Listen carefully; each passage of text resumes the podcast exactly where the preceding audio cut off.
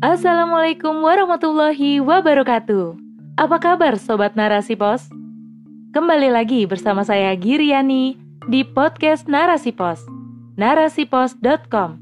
Cerdas dalam literasi media, bijak menangkap peristiwa kunci. Rubrik opini.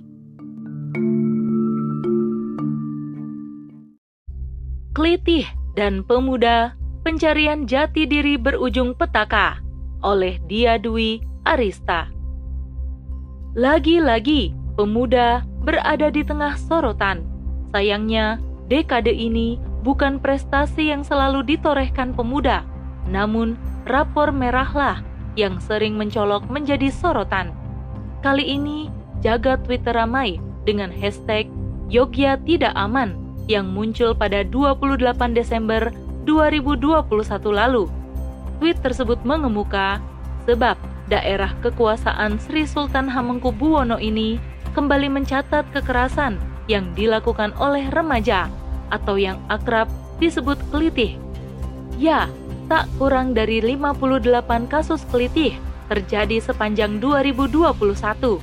Menurut cnnindonesia.com, kejadian kelitih tahun 2021 meningkat 6 kasus dibanding tahun 2020. Total 102 pelaku dari 40 kasus telah diproses secara hukum. Yang mengejutkan, 80 pelaku ditenggarai berasal dari kalangan yang masih berstatus pelajar.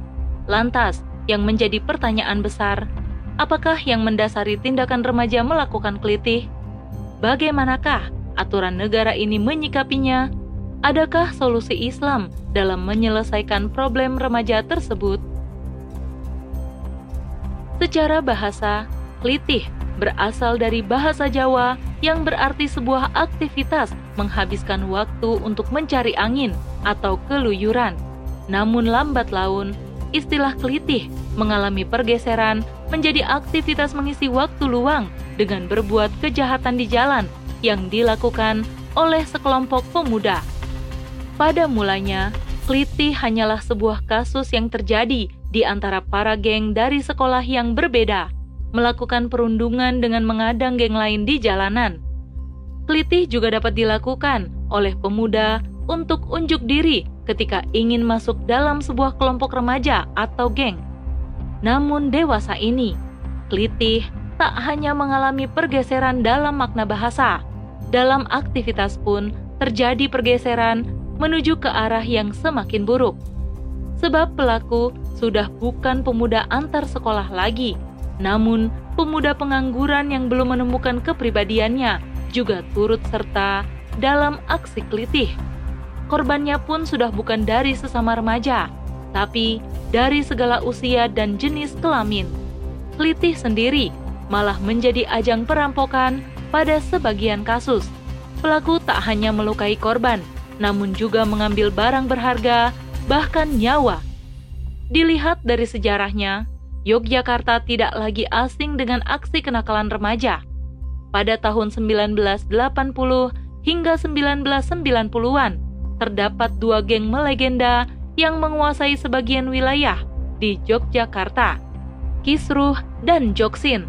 Kisruh merupakan singkatan dari Kita Suka Ribut untuk Tawuran, sedangkan Joksin adalah kependekan dari Jozo Sinting atau pojok bensin, juga Jogja Sindikat. Keduanya masing-masing mempunyai basis dan pendukung yang kuat.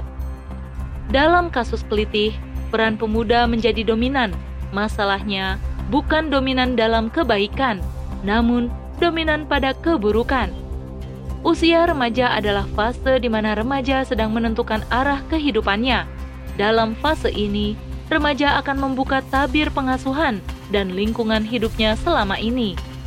Ketika masa kanak-kanak dan remaja tidak memperoleh pengasuhan berbasis kepribadian yang baik, juga lingkungan sebagai pendukung tumbuh kembang tidak kondusif, maka masa remaja menjadi langkah pertama bagi mereka menuju krisis jati diri. Mereka akan terus mencari sebuah titik yang mereka anggap sebagai tempat yang nyaman untuk ditinggali. Masalahnya, ketika pemuda yang mempunyai krisis jati diri dibiarkan mencari sendiri jati dirinya, dan tidak ada pendampingan dari orang terdekat, maka hasilnya adalah tempat pertama yang mereka rasa sebagai tempat yang nyaman akan mereka perjuangkan. Tak peduli tempat itu adalah tempat yang benar atau bukan. Apalagi dalam sistem demokrasi yang sah menghalalkan segala aktivitas jika berteduh di bawah payung hak asasi manusia.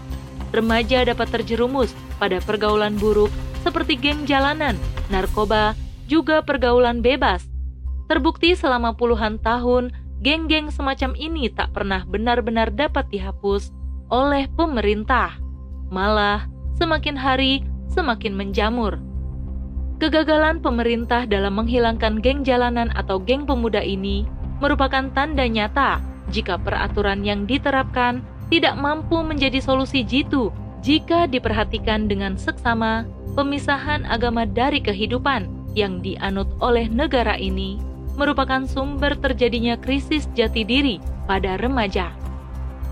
Kehidupan bebas yang didukung oleh aturan mengantarkan remaja tak kenal agama, padahal agama merupakan fondasi dasar bagi terbentuknya kepribadian seseorang.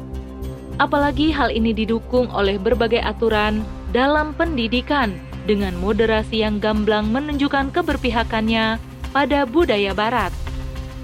Sekulerisme yang menginginkan pemisahan agama dari kehidupan akan terus menciptakan gesekan dengan prinsip agama. Apalagi Islam bukan sekedar agama ritual, melainkan sebuah pandangan hidup yang harus diterapkan secara real dalam kehidupan. Jelas akan bertentangan dengan sekulerisme. Aktivitas kelitih menjadi salah satu buah dari penerapan sekuler dimulai dari kerapuhan keluarga akan pemahaman Islam, ditambah lingkungan yang jauh dari nilai-nilai Islam, dan terakhir diperparah oleh negara yang menerapkan sekulerisme pada setiap aspek kehidupan.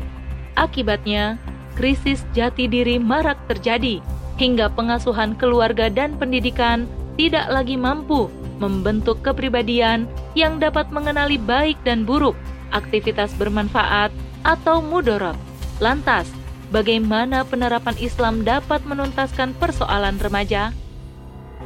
Remaja adalah masa peralihan di mana secara fisik, emosi, dan psikologi beralih ke dalam bentuk yang lebih matang atau lazim disebut dewasa. Dalam masa peralihan ini, banyak godaan yang selalu ada di hadapan para remaja, misal hormon yang bergejolak, perasaan tertarik pada lawan jenis, serta butuhnya pengakuan akan eksistensi diri.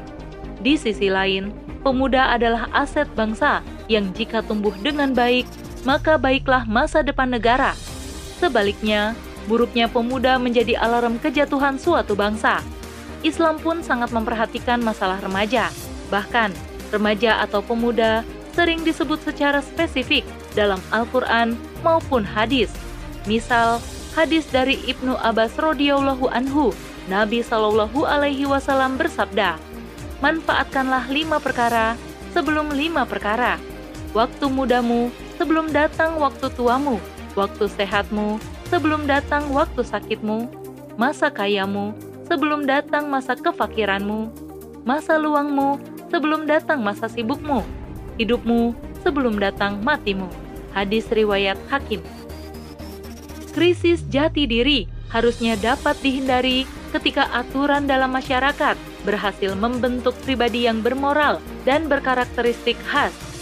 Dalam permasalahan krisis jati diri, tak bisa dipisahkan dari pengasuhan orang tua, masyarakat yang kondusif, dan aturan negara yang membentuk kepribadian Islam. Maka, untuk mencetak remaja yang berkualitas akan dimulai dari ranah domestik, yakni keluarga. Keluarga yang menanamkan akidah dari masa kanak-kanak akan membekas hingga mereka dewasa, apalagi jika didukung oleh masyarakat yang juga memiliki nilai-nilai Islami akan menjadi benteng kedua bagi remaja ketika mereka salah arah. Sebab amar ma'ruf nahi mungkar akan terus digaungkan jika masyarakat melihat kemaksiatan di depan matanya ditambah kurikulum pendidikan yang berbasis pada akidah Islam dan pembentukan kepribadian Islam, semakin matanglah akidah dan akhlak yang ada pada diri remaja.